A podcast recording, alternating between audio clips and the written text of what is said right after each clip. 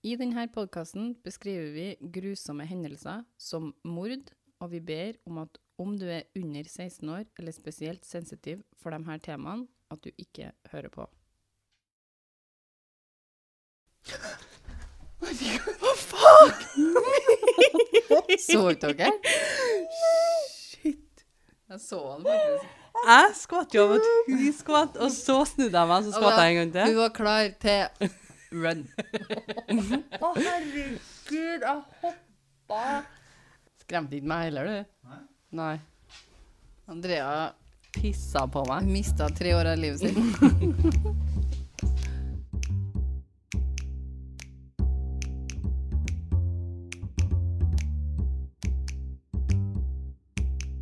Hei, hei, alle sammen. Du hører nå på en liten pause med meg, Maria og søstrene mine. Andrea og Martine. Hvordan har uka vært, Heida? Det har vært kjempebra. I dag har jeg vært og fiksa bryn og vipper til Kristina. Klinikk Foss anbefales. Ja. Hun har jeg brukt, faktisk. Hun har jeg brukt. Hashtag spons. Kristina hadde bare sponsa oss. Du må, nå må du betale. Vi tar sånn betaling etter vi har eh, gjort reklame på Ja, podden. så det er ingen som velger å sponse oss. Nei, ingen Vi som velger- sponser, og Ja. så må de kommer vi. Vi Ja. gjør reklamen, og så må de betale oss etterpå. så Kristina, you gotta pay up. Ok, Nei, jeg har egentlig ikke gjort noe særlig i uka her sjøl, jeg. Jeg har vært på jobb og holdt med podkasten, egentlig. Hva handler dagens episode om, Maria? Hvorfor er det alltid Marie Andrea som må si det? Mm, Vil du prøve? Har du lyst til å prøve? Ja. Martine, prøv. Ja, du kan få prøve. Hva handler dagens episode om, Maria? I dagens episode så skal jeg fortelle dere om en sak fra Hastings i England som skjedde i 1997. Den handler om ei jente som heter Billy Joe Jenkins, som bodde med en fosterfamilie når hun blir drept mens hun maler i hagen. Male i hagen. Skal vi bare starte? Mm. Billy Joe Jenkins var født i Øst-London den 29. mars i 1983. Mammaen hennes, Debbie, hadde møtt faren til Billy Joe i et fengsel i London, faktisk. I en form for blind date-situasjon. Liker det navnet hennes. Billy Joe, ja. Mm.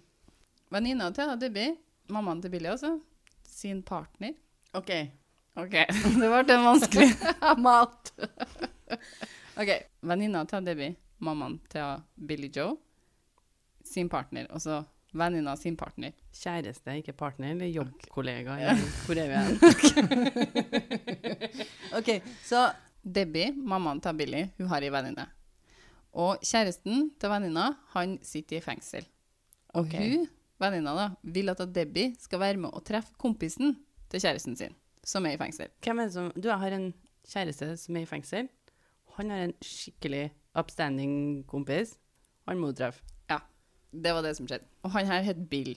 Han eh, kompisen til Mm. kjæresten til venninna. altså Het kjæresten Bill? Nei, Nei. nei. Han kompisen som hun snakka om, han het Bill. Å ja. Ikke han som sitter i fengsel, men han andre. Okay, nå Han òg sitter jo i fengsel. Okay, Begge sitter oh, i ja, begge fengsel. sitter i fengsel. ja. Nei, Jo, tar venninna med seg venninna si, jeg Kom har igjen, en, Debbie, Jeg har en med meg. blind date, for de hadde vært på blind date i fengsel. Ja.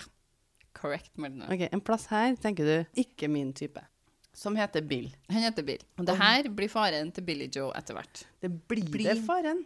Ja, altså, nå snakker jeg om når de møttes. så- Ja, ja, men hun Ja, blir, blir jo ikke. Han er far, liksom. Nei, nei, nei. Nei, det høres ut som du snakker som så egentlig så, så, Han blir faren når han blir født. Så Ja. det er noe som skjer egentlig da, så skulle du bare sagt at faren til Billy satt Ja. i fengsel. Men Der klarte vi nesten å følge med. jeg klarte å følge med. Jo, jeg syns det var topp, jeg. Når Bill blir løslatt, så flytter han rett inn til Debbie, og de blir gravid med Billy Joe ganske fort. Livet til Billy Joe var ganske turbulent de første årene. For jeg fant ut at Debbie og Bill, mammaen og pappaen hennes, krangla og sloss ganske mye. Et turbulent forhold, liksom, dem Ja, mellom. de hadde det. Jeg fant òg ut at da Billy Joe bor til bestemora si kort tid når mammaen må i fengsel for kredittkortsvindel. Har de nøkkel til fengselet, denne gjengen her, eller? Og når Debbie blir løslatt, så sliter hun med å finne en passende plass å bo for å ta vare på ungene sine. Hun hadde flere enn Billy Joe. Men jeg vet ikke hva de het, eller hvor gamle de var, eller noen ting, men hun hadde flere. Og det var, han var Med faren. samme fyren. Nei, Eller hadde han blitt det? det var nevnt en halvbror. Nå kaller jeg dem bare søsken, og broren broren og sånn. Jeg kommer ikke til å si sånn halvbroren og sånn. Billy Joe var hans, men utover det så vet ikke jeg. Mhm. Mulig han var stefaren til noen, mulig han var faren til noen. Det er jeg litt usikker på. Billy Joe bor til bestemora si i kort tid når mammaen må i fengsel for kredittkortsvindel. Når hun ikke finner noen plass som egner seg, så blir ungene plassert i fosterhjem av barnevernet. Billy Joe er på det tidspunktet her i 1992 ni år gammel. Og Billy Joe ble først plassert sammen med broren sin hos en fosterfamilie i Ilford, Essex. De sliter litt med å ha de her to ungene, og fostermora skulle ha en unge til sjøl, så hun skulle ha et nytt barn. De bare 'Dette blir litt for mye for oss, dere er nødt til å flytte ungene'. Barnevernet tok et siste grep før de eh, måtte gjøre valget om å flytte dem til en barnevernsinstitusjon. Så de legger ut en annonse i avisa for å se om de kan finne en passende familie. Det er her Sean og Louis Jenkins finner Billy Joe og broren hennes. Sean det er far, altså fosterfaren, og Louis er fostermora. Okay. Ifølge hjemmesida A Slice of True Crime så flytter Billy Joe og broren til Sean og Louis Jenkins, som bodde i London, og deres fire døtre. Det er Annie, Lottie, Esther og Maja. Noen plasser sier det at det er, alle er fosterbarn, mens andre plasser sier det bare døtrene deres. Så jeg er litt usikker på om det er fosterbarn, men det har egentlig ikke så veldig mye å si for, for historien. Kan det ha vært vært fosterbarn, og så har de Adopterte. Mhm. Det kan være. Billy Joe sitt etternavn var faktisk Jenkins, og det var også etternavnet til fosterfamilien. Hun har ikke fått deres navn. Ja, for det var der jeg Ja, det her jeg, nå, det her stussa jeg lenge på, Ja, kjente jeg. For jeg bare, når du sa Jenkins, så tenkte jeg det her er et navn har jeg hørt før. mm, Du sa at hun het det tidlig, vet du? ja. Ja. Hun heter Billy Joe Jenkins, og det Ja. heter dem òg. Mm. Originalt. Altså, det her er ingen miksing av etternavnene deres. Så det var da de tenkte sånn her, her er meant to be. De her, Mm. de her er liksom en del av vår familie. Vi heter til og med det samme. Men barn i den situasjonen her har det ikke så veldig lett, og atferden deres kan reflektere det. Billy Joe og broren fant det vanskelig å finne seg til rette i et hjem fylt med folk. Billy Joe var nær å bli kasta ut av skolen sin i London, og hun kom med kraftig og voldelig atferdsmønster. Så hun utagerte en del. Og dette er jo en form for smerteuttrykk som ikke er så ukjent i barn som må flytte fra foreldrene sine. Og Louis og Sean prøvde sitt beste å hjelpe ungene gjennom det, men kort tid etter plasseringa blir broren til Billy Joe flytta til en institusjon. Og selv om Sean og Louis syntes dette var grusomt, var barnevernet helt klar på at det var den beste løsninga for alle. Sean hadde søkt på en jobb i Hastings som viserektor på en skole, og tre uker etter plasseringa til Billy Joe så fikk han vite at han hadde fått jobben. Og eh, fosterfaren. Mm. De spør Billy Joe om hva hun føler i forhold til å flytte fra London og vennene sine og familie, og prøve ut Hastings som en boplass. da. Billy Joe er helt klar på at hun vil være med på å flytte og få en ny start. Derfor flytta de til sørkysten i England, til Hastings i Sussex. Nå er ikke England så veldig stort. Lange Det tar ikke 40 timer, liksom. Nei. Så, men de flytter ganske langt unna London. da. Billy Joe fikk eget rom, privatliv, og hun ble veldig glad i Hastings. De bodde like over en park, så hun brukte å dra og utforske og kose seg i den. Hvordan trives hun i familien nå? Jo, hun slår seg ganske godt til rette i Hastings. Hun gjør det bra på skolen, og de her voldsomme de smerteuttrykkene hun hadde kommet med, ble mye mindre og sjeldnere. Hun var ei utadvendt og artig jente. Hun hadde jo selvfølgelig sinne og småting med seg, men eh, hun virkelig blomstra mens hun bodde i Hastings. da. Mm. I 1996, etter Billy Joe hadde bodd med Sean og Louis i fire år, så får Sean jobb som rektor, da rektoren på skolen skal pensjonere seg. Han, det, han var jo viserektor, skal du si, Mm. og så nå får han rektorjobben. Louis har fått seg deltidsjobb innenfor sosialtjenesten i London, og det involverte mye pendling for hun. Hun kom ofte hjem sent, altså hun ble henta sånn halv ni på kvelden på togstasjonen, og, så hun pendla jo til og fra London hele tida. Det blir nevnt mange plasser at området de bodde på ble terrorisert med innbruddstyver, og hunden deres ofte satt i og bjeff helt uforklarlig rundt klokka 11 om kvelden i stund. De syntes her dette var snedig. De var jo ikke helt sikre på hva det var. Om det var et dyr, eller om det var noe som var knytta til de innbruddene i området. Så han Sean installerer noe sikkerhetslys i hagen. Og Ja, de- sånn som slår Ja, seg på. slår seg på når du beveger. Ja. Mm. De får òg ganske mange telefonsamtaler hvor de, de som ringer, ikke sier noe. Det er bare helt stilt i telefonen. Det her får de alle tre. Alle de tre. Det står ingenting om at Alle de tre. er altså Sean, Louis, Louis og uh, Billy Joe. Ja, okay. Fosterfaren, fostermora og hun fosterdattera. Ikke si. Andre ungene. Det står det ikke noen ting om. Det står at de spesifikt får det, men om de andre får det, det vet ikke jeg. Eller om det er hustelefonen de ringer på. Det er jo på. sikkert sånt. hustelefonen, da. Mest sannsynlig, da. I For det her er jo i på 90-tallet. mm. Det er ikke sånn at unger gikk rundt med mobiltelefon. Nei, ikke 96, nei. Så Sean, Louis og Billy Joe får de her samtalene, og de er ganske skvetten uh, en periode. De synes, Det liksom, forstår jeg. Det hadde jeg vært. Det er litt ekkelt. En gang får Louis en telefon, og i den andre enden er det en litt sånn afrikansk stemme som sier He will come again and be our judge. Mhm. Hæ? Var litt usikker på om det var en om det var innspilling av noe annet. Altså, hun visste ikke om det var en menneske som hadde snakka, eller hva det var. Men Høres ut som de snakker om Gud. i desember i 1996 så forteller Billy Joe at en mann i lærjakke har drevet og fulgt etter han noen dager. Okay. Ah, Det forteller hun til et par venner. At det, liksom, det er en fyr som tydeligvis har stalka litt. Ok. Så den 15. februar i 1997 ringer Sean nødnummeret og sier i panikk at han tror dattera hans har falt i hagen og slått seg.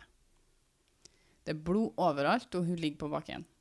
Ut ifra forklaringen kommer det fram at den 15. februar hadde starta med at da Louis tok med seg to av døtrene, Esther og Maja, på en gåtur. Og de er på dette tidspunktet De er sånn, jeg tror de er sju, Maja er sju og Ester Esther er åtte. Sean hadde vært hjemme med Billy Joe og Annie, og hun, Annie er tolv år på det tidspunktet her. Og Lottie hadde vært på en, eller var på en klarinettime. Okay. Han, han skulle hente hun etterpå. Og hun er Lottie er ti.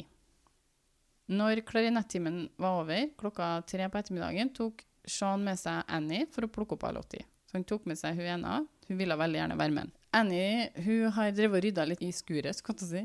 Uh, rydda litt i, I England så har de gjerne en hage med litt sånn en, redsk, en redskapsbod. Ja. Og Der har hun vært inne og rydda. Og hun har vaska bilen og ordna litt sånne ting. Mens- Annie var tolv, hun. Ja. og hun, Billy Joe har drevet og mala noen dører i hagen. Mm.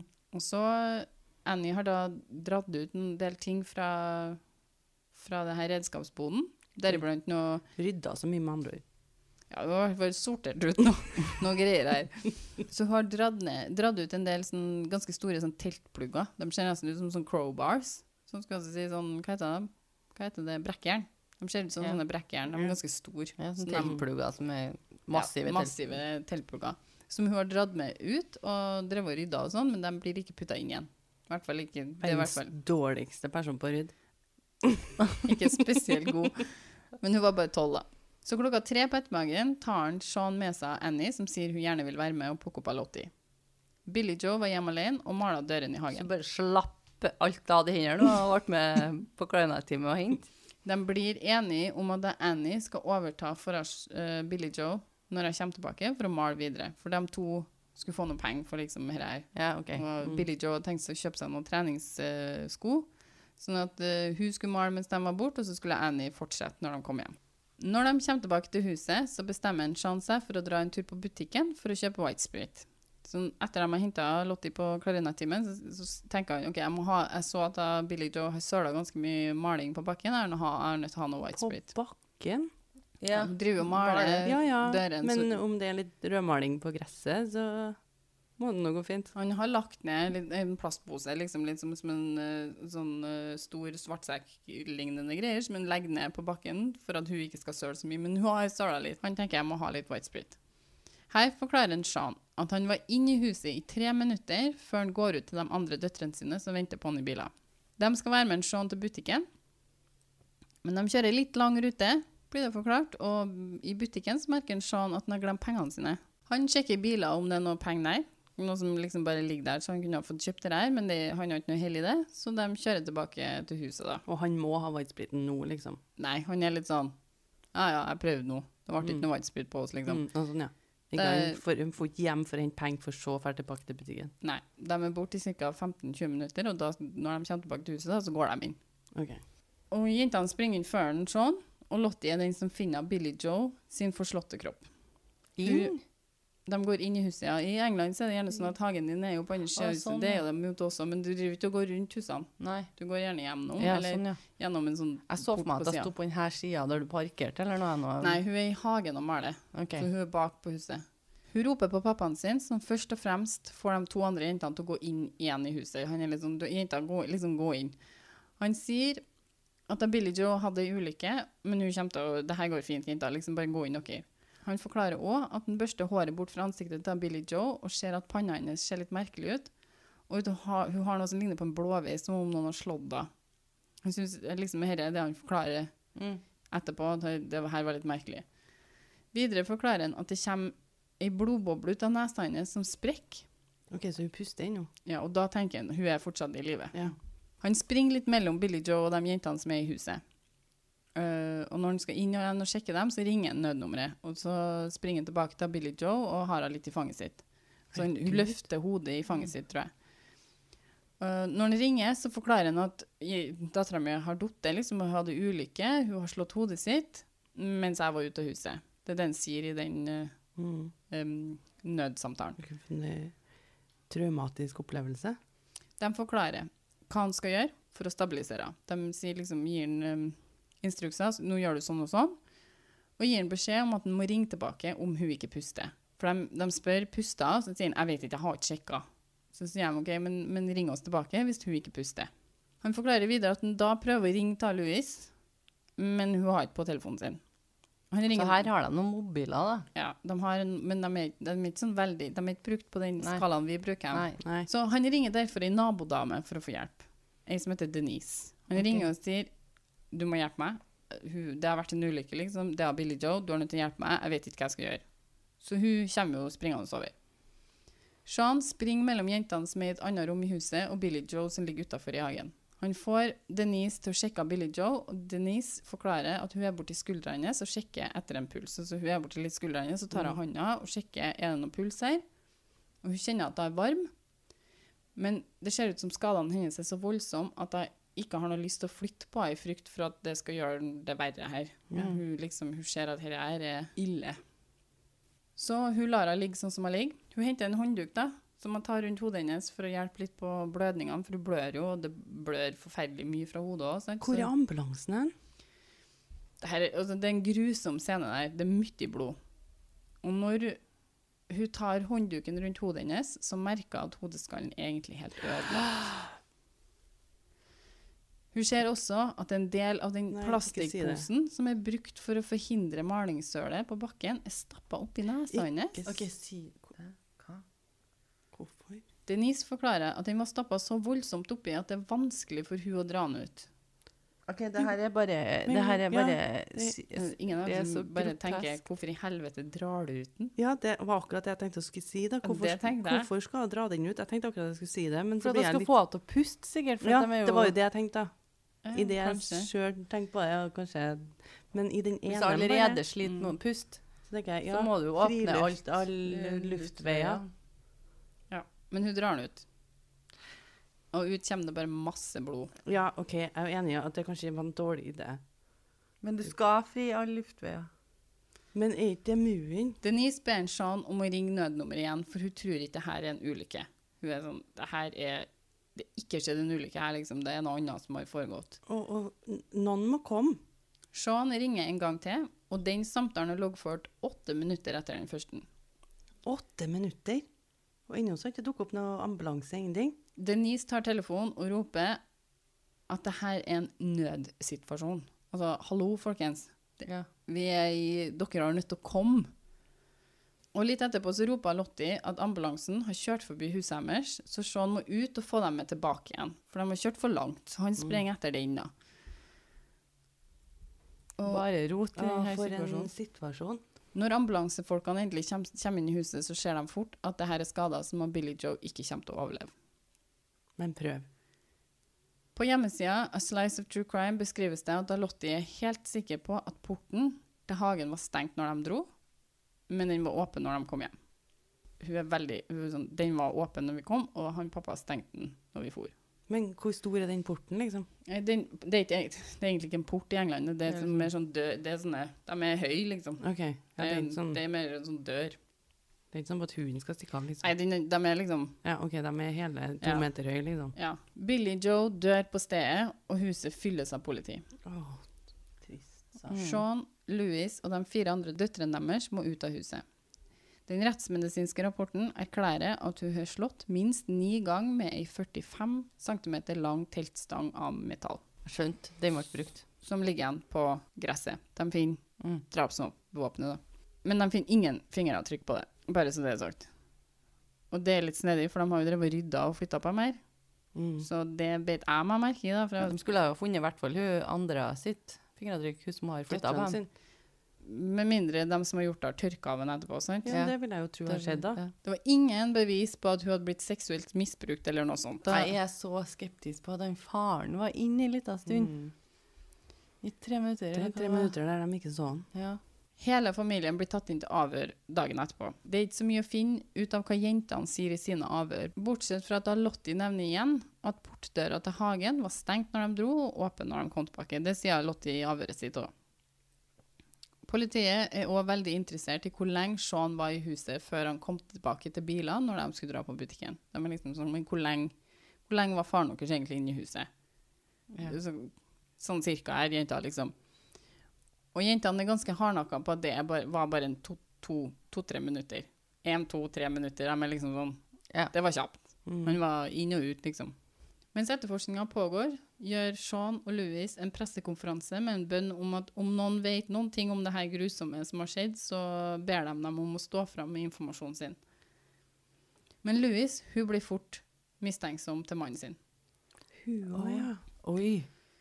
Hun forklarer seg noen år etterpå uh, og, og sier liksom at hun våkna midt på natta, bare dager etter det har skjedd, og hun bare tenkte det, det, det kunne ha vært han, liksom. Ja. Det, og om det ikke er han, så kunne det fortsatt ha vært den. Altså sånn, Han hadde mulighet til det. Og hun sier hun var livredd, egentlig, når hun lå der. For en magefølelse. Hun dro til politiet og forteller at ting ikke var så idyllisk som det virka som. Og her forklarer hun at en Shan han hadde løyet på CV-en sin om sine kvalifikasjoner når han søkte jobben som viserektor. Han hadde lagt på noe, en skole han hadde gått på. Han hadde liksom ligget ganske Ikke oh, sånn. Ok. Bare jeg er god til å kommunisere med folk. Det var ikke sånn ligging. kan et ekstra språk, liksom. Nei, det var mer sånn Han sa han hadde Men det gjør ikke jeg til en morder av den grunn. Nei, alle vrir om Mm. på sannheten og liksom sier sånn er Pynter litt på han. Ja, pynter litt på han, og godt ord, andre. Men han hadde straight up funnet på at han hadde utdanning fra en skole han aldri hadde vært på. Ja. Sånn. ja. Og når det nettopp har skjedd et mord i familien din, så begynner du å kverne på de småløgnene Ja. nå, tenkte jeg å si. Det, kanskje... det, det kan jeg være med. Jeg skjønner hun mora her, da, som begynner å tenke litt Mm. på de løgnene her tidligere. Men det gjør deg ikke til en morder, da. Nei, Nei, absolutt ikke. han var jo inne i huset. Ja, det var de tre minuttene, da. Hun sier òg at han kan være voldelig og ha sinneutbrudd.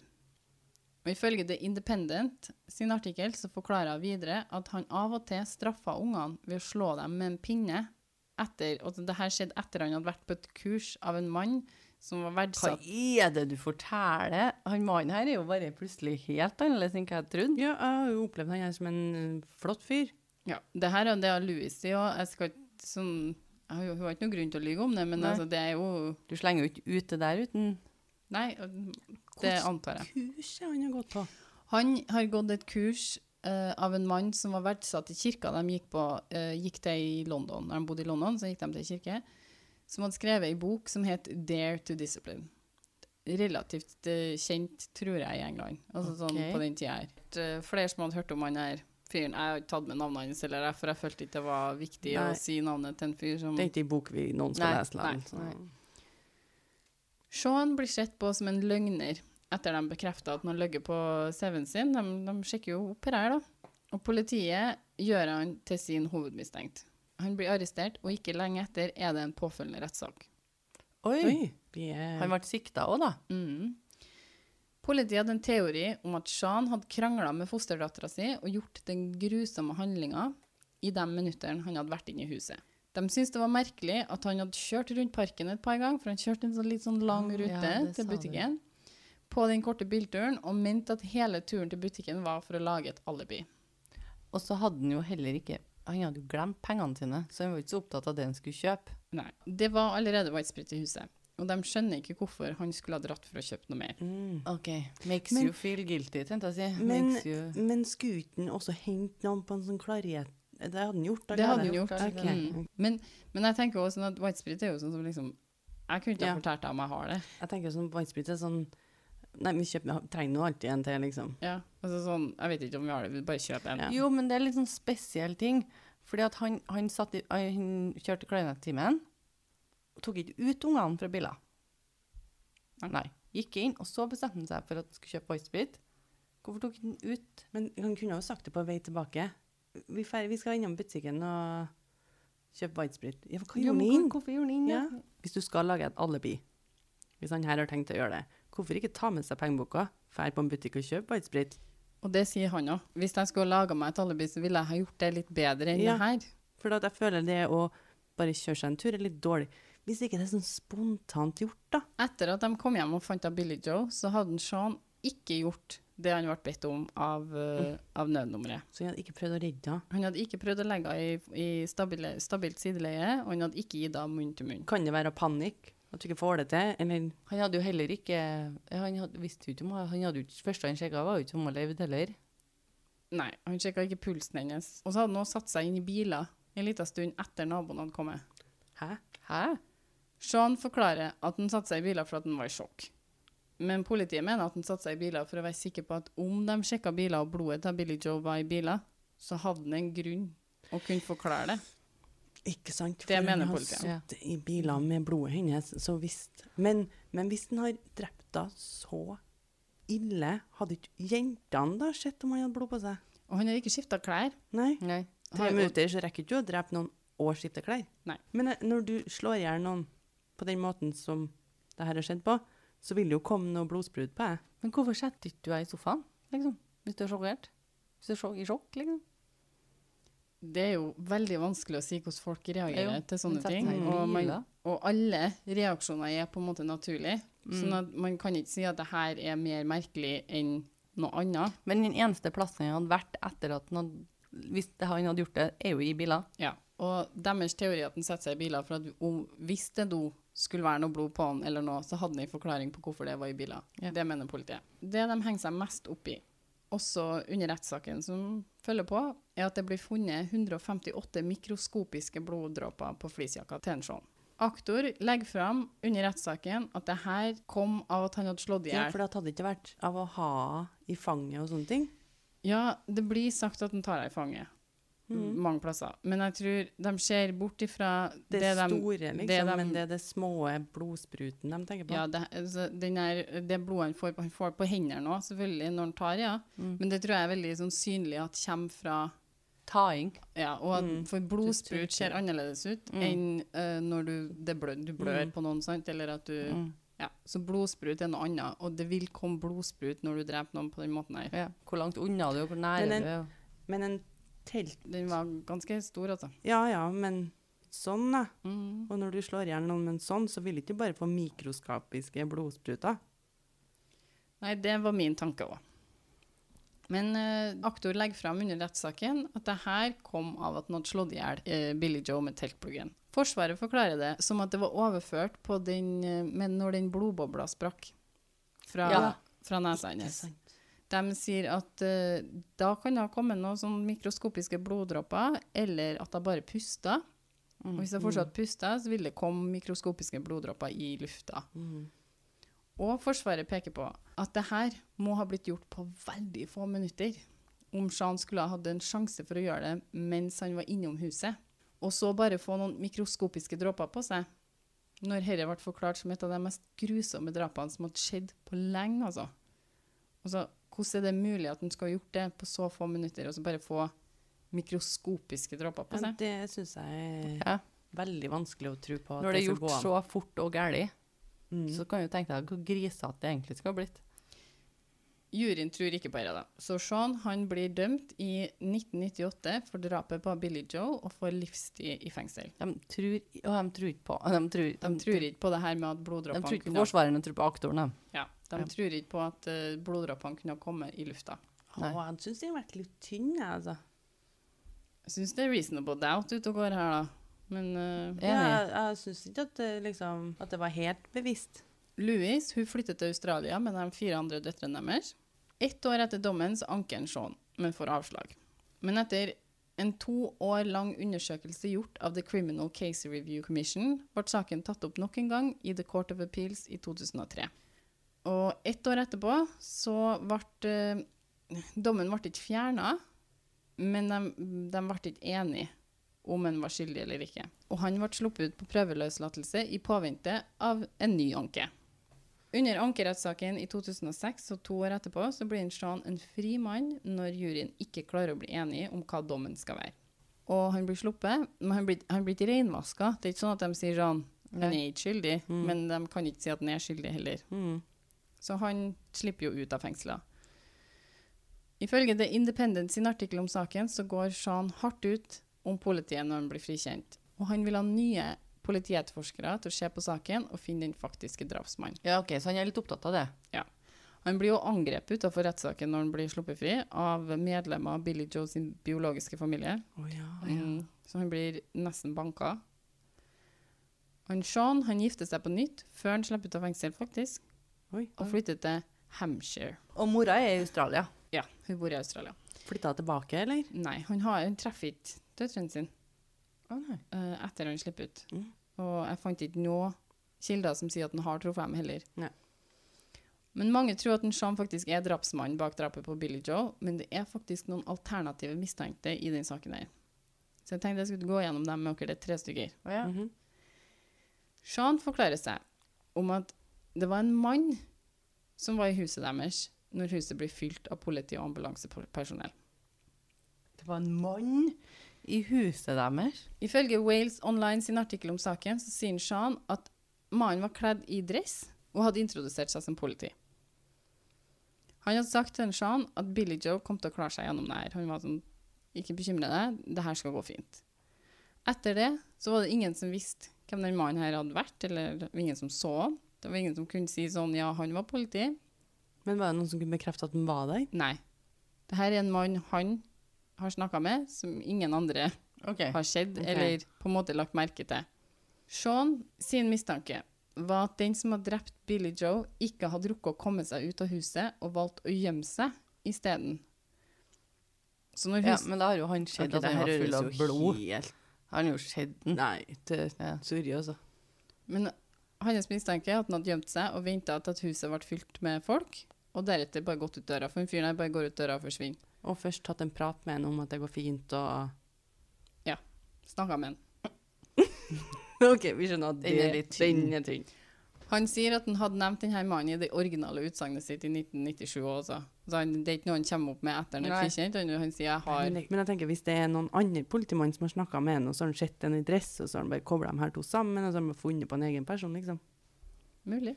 En annen mistenkt er en mann som blir referert til som bare Mr. B.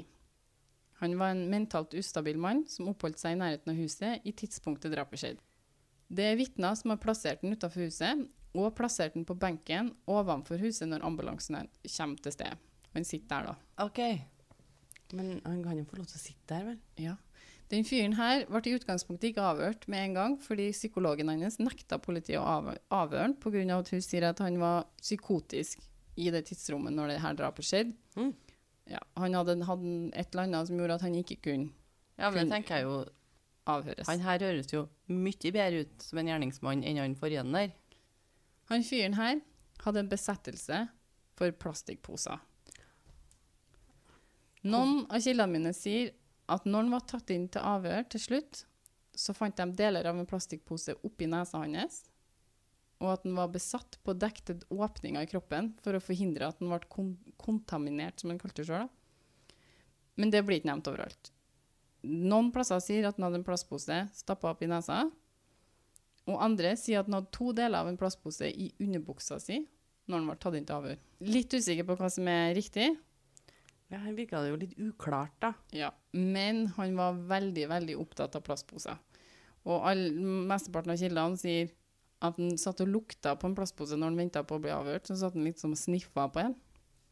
OK. Jeg, jeg syns jo det er litt snedig, det her med plastposen og han her fyren som er så opptatt av plastposer. Uavhengig av en, om han har den oppi nesa eller ikke, Mm.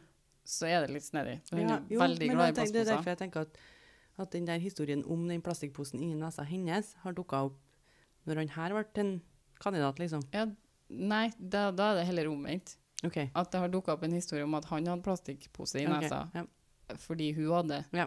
Han var absolutt glad i plastposer. Okay. Det var, en, det var stadfesta overalt. Han Mhm. hadde en besettelse. OK.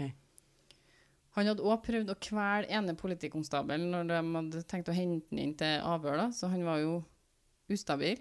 Han blir derimot utelukka som mistenkt. Hvorfor? Han var jo der. Og Hadde muligheten. Noen plasser sto det som forklaring at det var fordi de klarte å utelukke en påga DNA-testing. Og en annen plass står det at de rett og slett ikke klarte å knytte den opp mot drapet. Og politiet mener også at han ikke ville ha tid i den korte stunden Sean og døtrene var på butikken, til å gå fra parken overfor huset og drepe Billy Joe. Men de mener at Sean har klart det på tre minutter, da. Det skal Ja. sies. Mm. Men de mener at han her ikke har rukket. ikke har rukket. Ja, og Det er også nevnt at denne plastposebiten i nesa var så dypt putta inn i nesa på Billy Joe at det må ha vært brukt et, en form for sånn instrument eller redskap for å få den inn. De stadfester det dette er ikke gjort på liksom bare ti sekunder. Han har litt, det er blitt jobba litt med den. En mistenkt til har kommet fram i senere tid. Og det er en som er kjent som The M25 Rapist. Men det var jo ikke voldtekt innblanda. Nei, det var ikke det. Uh, jeg skal ikke si så mye om hvem han her er, men han er et grusomt menneske. Det kan jeg si. Og det viser seg at han hadde bekjentskaper i Hastings på den tida. Den tida her når drapet skjedde. Og han bodde rundt tre mil fra der Billy Joe bodde. Han matcher også beskrivelsen av mannen Billy Joe hadde ment hadde fulgt etter seg i 1996. Hun beskrev denne mannen som en mann som eh, gikk med ei lærjakke. Mm. Og The M25 Rapist gikk nesten alltid med lærjakke. Og han har kommet opp ganske seint. Altså etter uh, Sean ble sluppet ut fra fengsel og alt, så har de begynt å linke han her til det drapet her. Og så Mm. sagt at dere er nødt til å sjekke ut dette, for det er litt for mange ting som liksom passer inn. Han var også kjent for å improvisere våpnene sine, og det var sagt også at han var besatt av ei anna jente som var på alder med Billy Joe. Men det her betyr jo at saken til Billy Joe er egentlig en uløst sak. Er den uløst? Ah, vi fikk ikke noe closure der. yes. Nei, jeg gjorde ikke det. Og ifølge The Hasting Observer, som skrev en artikkel om saken i 2017, så sier en talsmann for politiet følgende. Og jeg vet ikke om dere vil jeg skal ta her in very British. Jeg Take it in very really British. British. Take it away in British. Yes, as previously stated, this case is unresolved, and any new information that might lead to new lines of inquiry would be assessed and investigated whenever necessary. However, there has been However. However, however, there has been no new information since the end of the second trial 10 years ago, and there is no current work on the case. There has been no further review of this case since the second trial, and we have no plans of any activity to mark the 20th anniversary. Var det ei dame her, eller? Nei, det vet ikke jeg. Fikk jo en helt annen stemme. En helt annen Personlighet. Mm. Show off your English, Marianne, when you can it. When you can it. Andrea showet ikke. Dere shower alt dere kan gjøre. Nei, Show in noe. This is her best. Ifølge Wales Online sin artikkel om, om Sean etter rettssaken, så har Sean skrevet ei bok om Billy Joe sin drapssak og tida etter. Han forklarer det som en måte å prøve å få oppdretta kontakt med døtrene sine igjen, og at han nekter å gi slipp på det her før drapsmannen er blitt tatt. På det tidspunktet artikkelen ble skrevet, så hadde han nesten fullført en master i kriminologi ved Portsmouth University. Ok, så han er veldig opptatt av å få tak i mannen som har tatt Vi vet jo ikke om det er en mann eller om det er en dame. Vi vet jo ingenting. Han, han sier at han av og til finner seg sjøl som case study i fagbøkene om den saken her. Når han, Han studerer.